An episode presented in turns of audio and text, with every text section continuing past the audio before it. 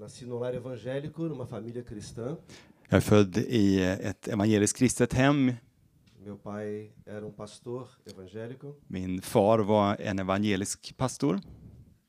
Então eu nasci nesse ambiente de ir para a igreja, frequentar reunião, dizer que crê em Deus. Så jag har vuxit upp i den här miljön att gå till kyrkan, att gå på möten, att säga att jag tror på Gud. Certamente, né? Mm, helt klart. É claro. E chegou um dia que eu precisei ouvir algo que eu nunca tinha ouvido. Men en dag behövde jag höra något som jag aldrig hade hört förut. 36 anos dentro de um salão de reunião, Jag hade varit 36 år i möteslokaler. Era organista, pianista da Jag igreja, hade spelat orgel och jag hade spelat piano på möten. não podia faltar nenhuma reunião, tinha que estar em todas as reuniões, Jag fick inte missa någon samling, jag var alltid tvungen att vara med. três vezes por semana. Det var tre möten per vecka. Eu cria em Deus, realmente. Jag trodde verkligen på Gud. Só tinha um ponto que eu nunca tinha ouvido. Men jag hade aldrig hört om just en sak. Eu nunca tinha ouvido que eu precisava ser um discípulo de Jesus. Jag hade aldrig hört att jag behövde vara en lärjunge till Jesus. E foi um pouco tarde, mas não tarde demais. Det var lite sent, men det var inte för sent. Foi com 36 anos de idade que eu ouvi isso pela primeira vez. Så när jag var 36 år hörde jag detta för första gången. Que Jesus me chamava para ser um discípulo dele, Att Jesus kallade mig för att vara hans lärjunge, para ser um seguidor dele, att vara hans efterföljare, para ter, para ser formado à imagem dele. att bli förvandlad till hans bild. E quando eu ouvi sobre isso, foi uma decisão muito, é, muito profunda e difícil ao mesmo tempo. När jag hörde om detta så tog jag ett beslut som var väldigt djupt och också väldigt svårt. Nós ouvimos agora muito fundamento a respeito do que a palavra de Deus diz sobre sermos discípulos. Här såg vi mycket av den grund som finns av vad ordet säger om att vara lärjunge. Muito obrigado, Jonas. Tack så mycket. Mas eu creio que é uma decisão pessoal que eu e você precisamos fazer todos os dias. Jag tror att det här är ett beslut som var och en av oss behöver ta varje dag. Precisamos crer em Deus, sim. Vi behöver tro på Gud, ja. Precisamos amar a Deus, sim. Vi behöver älska Gud, ja. E agora temos um convite de amor para seguir Jesus. Och nu har vi ett kärleksbud som är att följa Jesus. Amados irmãos, ser um discípulo de Jesus e fazer um discípulo a Jesus não é a nossa doutrina. Älskade vänner, att vara Jesu lärjunge och att göra lärjungar till Jesus, det är inte vår doktrin eller vår lära. É a vontade do coração de Deus, o Pai. Det är Guds, Gud Faderns egen vilja. Deus quer que sejamos discípulos do seu filho.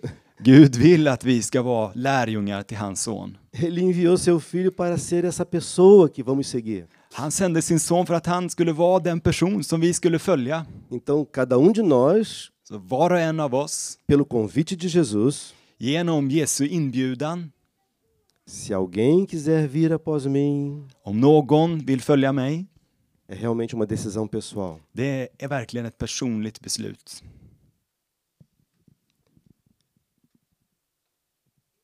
Deus é tão bom que ele deu a cada um de nós o livre-arbítrio. Gud är så god så att han har gett fri vilja till var och en av oss. É uma responsabilidade muito grande. Det är ett väldigt stort ansvar. Eu preciso decidir ser um discípulo de Jesus. Jag behöver bestämma mig för att vara en lärjunge till Jesus. E como discípulo de Jesus, Och som en lärjunge till Jesus Jesus pode me usar para fazer discípulos para ele. kan han använda mig för att göra lärjungar till honom. Na verdade, nenhum de nós tem discípulos, meus discípulos, na verdade não. Sanningen är den att ingen av oss har lä- våra lärjungar. Nós servimos aos discípulos de Jesus Men vi betjänar Jesu lärjungar para levá-los a Jesus. för att föra dem till honom. Isto é fazer discípulos a Jesus. Det är att göra lärjungar till Jesus. E quando nós somos discípulos de Jesus Och när vi är lärjungar till Jesus e podemos fazer discípulos para Jesus, och kan göra lärjungar åt honom, estamos dentro do corpo de Cristo, como foi dito. Då är vi en del av Kristi kropp som vi har sa- sett här. Não tem como separar o membro do corpo. Det går inte att skilja eh, på lemmarna i kroppen. O dedo está doente, corta o dedo fora. Om, om du har ont i din finger, om man hunnit klippa av den då? Coloca no envelope e envia para o hospital. Och, och så sätter du den i, i ett, eh, vy, eller vet du det, ett brev och skickar det till eh, sjukhuset. O dedo doente vai ser curado dentro do corpo. Nej, ett sjukt finger ska bli helat i kroppen. Eu não consigo e não posso caminhar sozinho. Jag kan inte och jag får inte gå ensam. Eu e você precisamos de Jesus, primeiramente, Du och jag behöver Jesus först och främst, mas nós precisamos uns dos outros. men vi behöver varandra. Ninguém consegue ver tudo na sua vida. Ingen kan se allt i sitt liv. Eu tenho um espelho lá em casa que não fala a verdade para mim. Jag har en spegel där hemma som inte talar sanning till mig.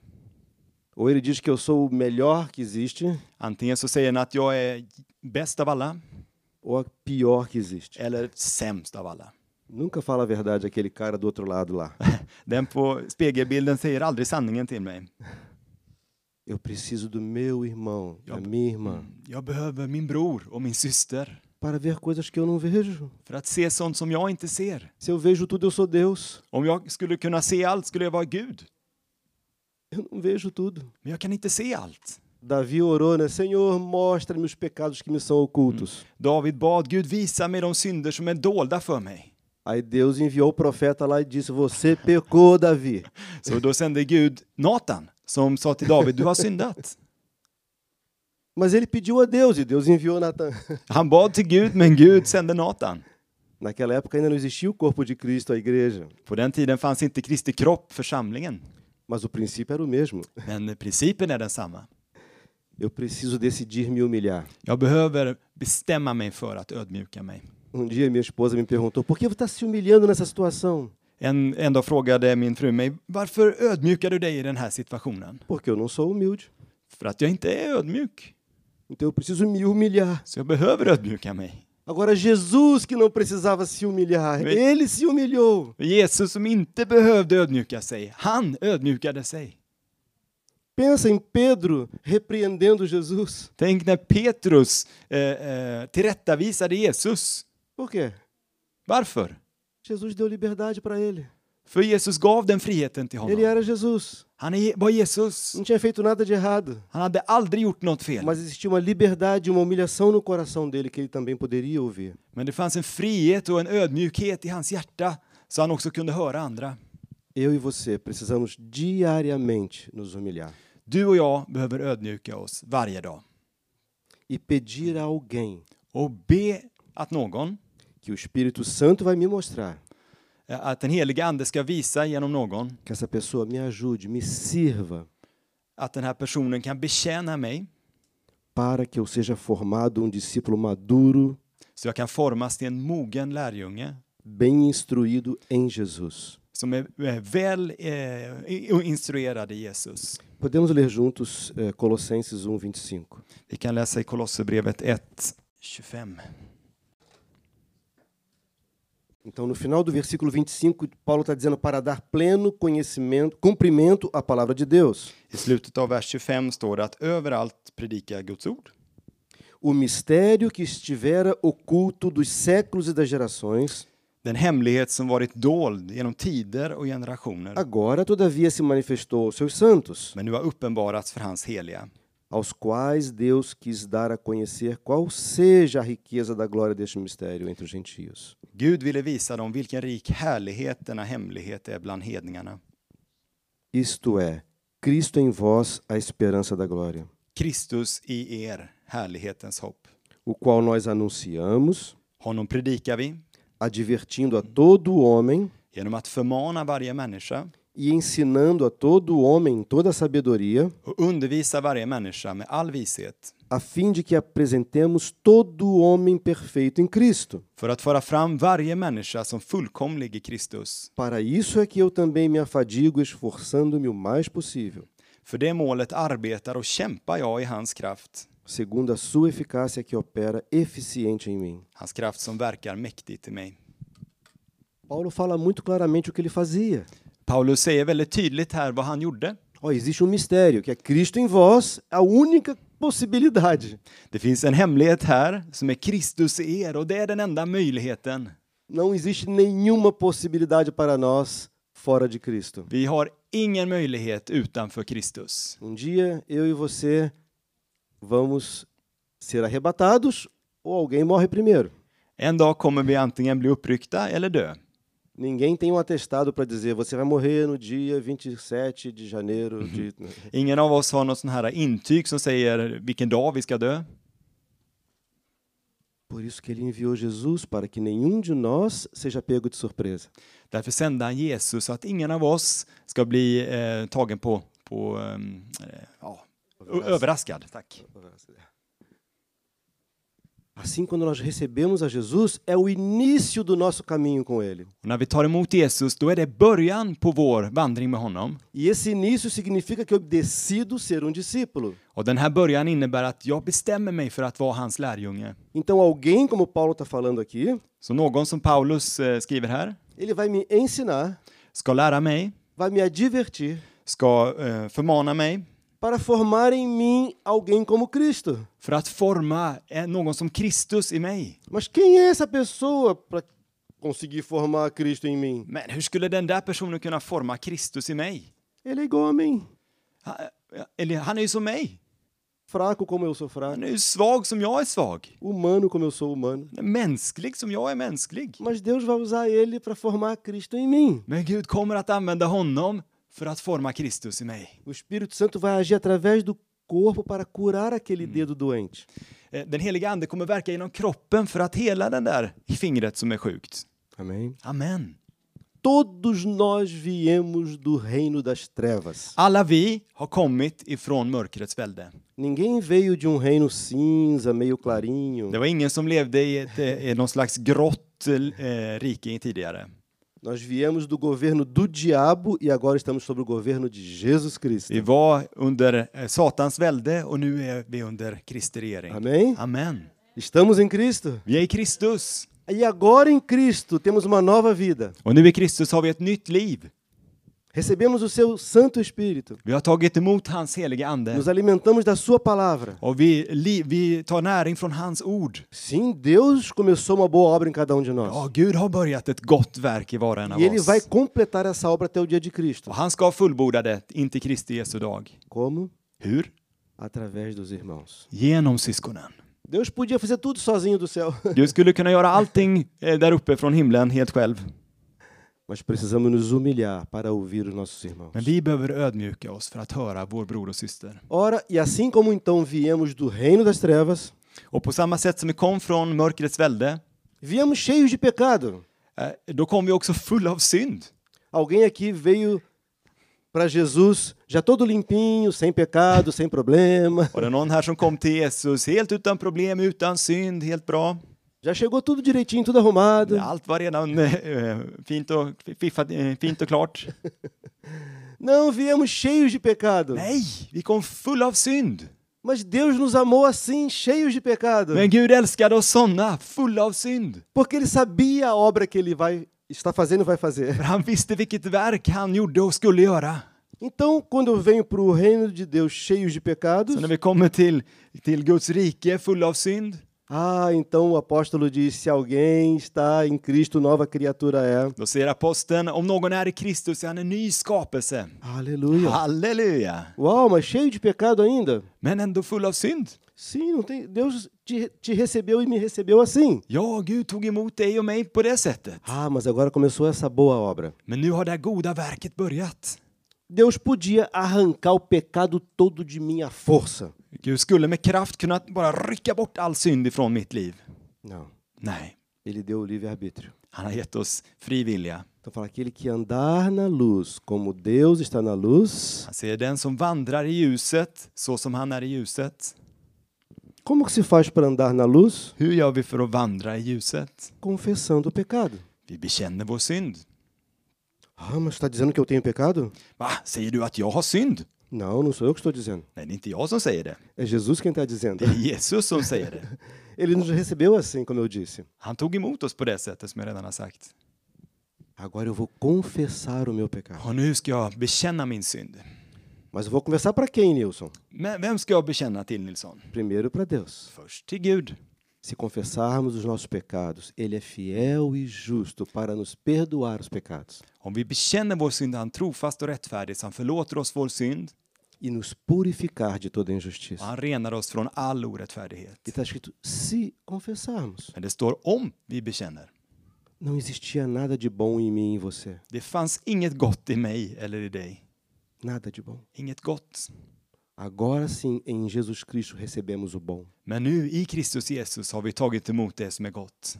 E Ele agora quer nos limpar, nos Olha. lavar. Och nu vill han tvätta oss, rena oss. E nesse caminhar do discipulado, Och i den här vandringen i lärjungaskap, esse caminhar com meus irmãos, amigos que eu posso confiar, i den här vandringen med vänner, med eh, kompanjoner som jag kan lita på, primeiramente eu confesso a Deus porque o Espírito Santo mostrou meu pecado.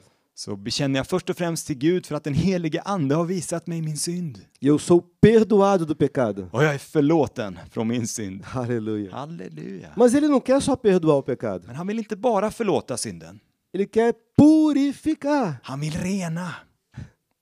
E como que se purifica o pecado? Como é que torna-se limpo? Och hur blir man ren från synden?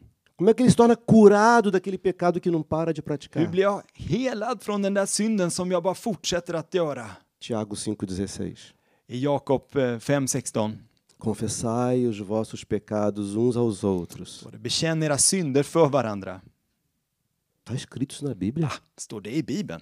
É. Ja. Mas o que, que aquele irmão vai pensar de mim? Vou Men vad kommer han eller, tro, eller hon tro om mig då? Ele, ele- ele vai saber todos os meus pecados? Om man får veta alla mina synder? Ora, o diabo já sabe, todos os demônios já sabem. Hörrni, djävulen vet redan, alla demoner vet redan. Por que não, meu irmão? Varför kan inte min bror få veta? Ele pode orar por mim. Han kan ju be för mig. Ele pode me Han ajudar. kan hjälpa mig. Ele pode me Han abraçar. kan krama om mig. Ele pode me acolher. Han kan ta emot Ele mig. pode me Han encorajar. kan uppmuntra mig. Então, o apóstolo tem razão. Så aposteln har rätt. Foi o Espírito Santo quem falou. Det var den heliga anden som sa detta. Porque eu confesso meus pecados para o meu irmão. Att om jag bekänner mina synder för mina bröder Eles oram por mim och de ber för mig, e não fala que vai ser perdoado, då står det inte att de ska bli förlåtna här, vai ser curado. men då ska de bli helade. Por quê? Varför? Porque antes, quando você confessou a Deus, já foi perdoado. För när du bekände till Gud så blev du redan förlåten. Agora Deus quer te curar. Men nu vill Gud hela dig.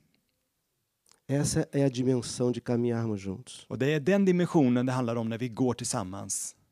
Deus nos colocou numa família. Gud har satt oss i en familj Eu preciso do meu irmão. och jag behöver mitt syskon. É uma decisão quando eu me humilho, Och det är ett beslut att jag ödmjukar mig. que eu reconheço que eu não posso caminhar Att sozinho. Jag erkänner att jag kan inte gå vandra själv.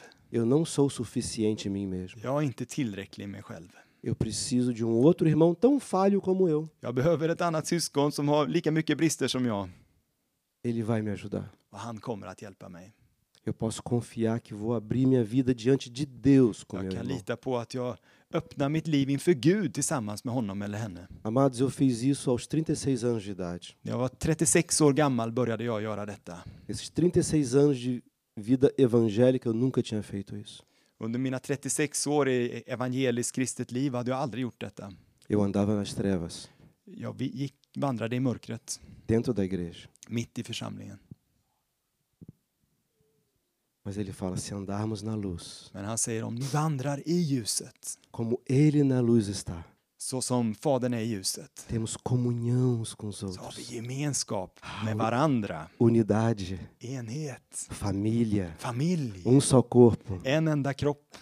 Aí diz uma consequência. Och så står det om en konsekvens. E o sangue de Jesus Cristo, seu Filho, nos purifica de todo pecado. Och eh, eh, blodet från Jesus Kristus, hans son, eh, renar oss från all synd. Que bom isso! Det är bra, eller hur? Isso é Det är maravilhoso! fantastiskt.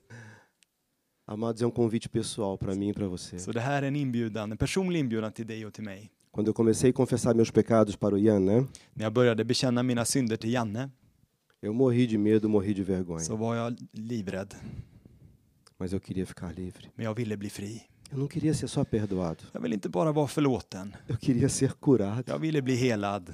Eu não aguentava mais pecar, pedir perdão, pecar, pedir perdão, pecar, pedir perdão. Jag orkar inte med det här med att synda, be om förlåtelse, synda, be om förlåtelse, synda, be om Você förlåtelse. pode pecar mil vezes, Deus perdoa mil Du vezes. kan synda tusen gånger, Gud förlåter dig tusen gånger. Mas Ele não quer só Men perdoar. han vill inte bara förlåta. Ele quer purificar. Han vill rena.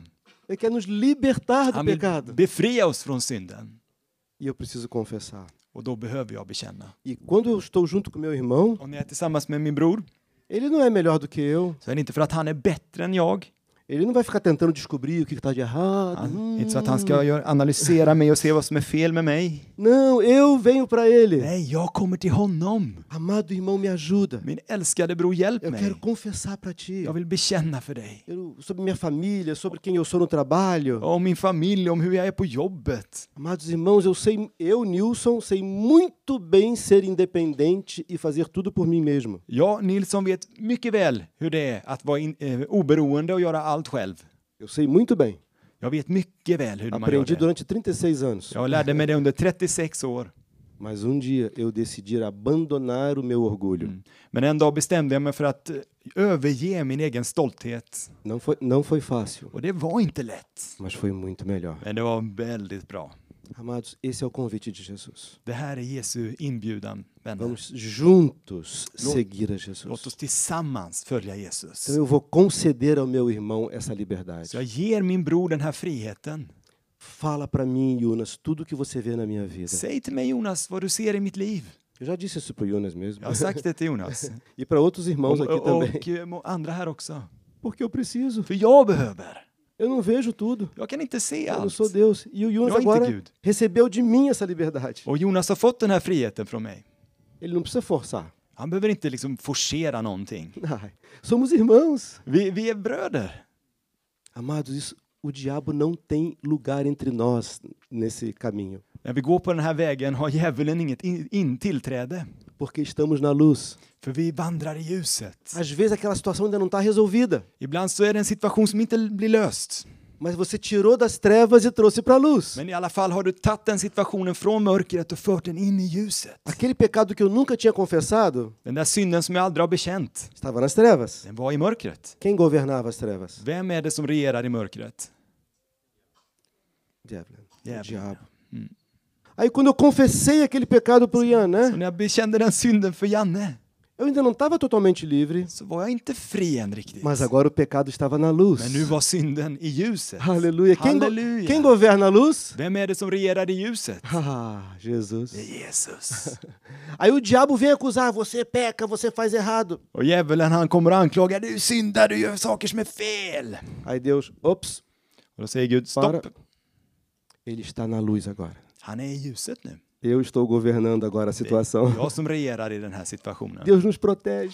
Gud beskyddar oss. Deus cobre a gente. Gud övertäcker oss. Bem-aventurado o varão cujos pecados são perdoados, Salig är den man vars synder har blivit förlåtna cuja transgressão é och vars coberta. överträdelse är övertäckt. Aleluia. Existe muita alegria, muito recurso, muita bênção em andarmos na Det luz, finns så mycket välsignelse och glädje att gå tillsammans como verdadeiros discípulos de som Jesus. verkliga Jesu lärjungar. Ninguém aqui sabe ser discípulo de Jesus. Det är ingen här som vet hur man är en Jesu lärjunge. Fazer um cursinho de três semanas para ser discípulo. Okej, nu har vi en tre veckor lång kurs hur vi, lär, hur vi är Jesu lärjungar.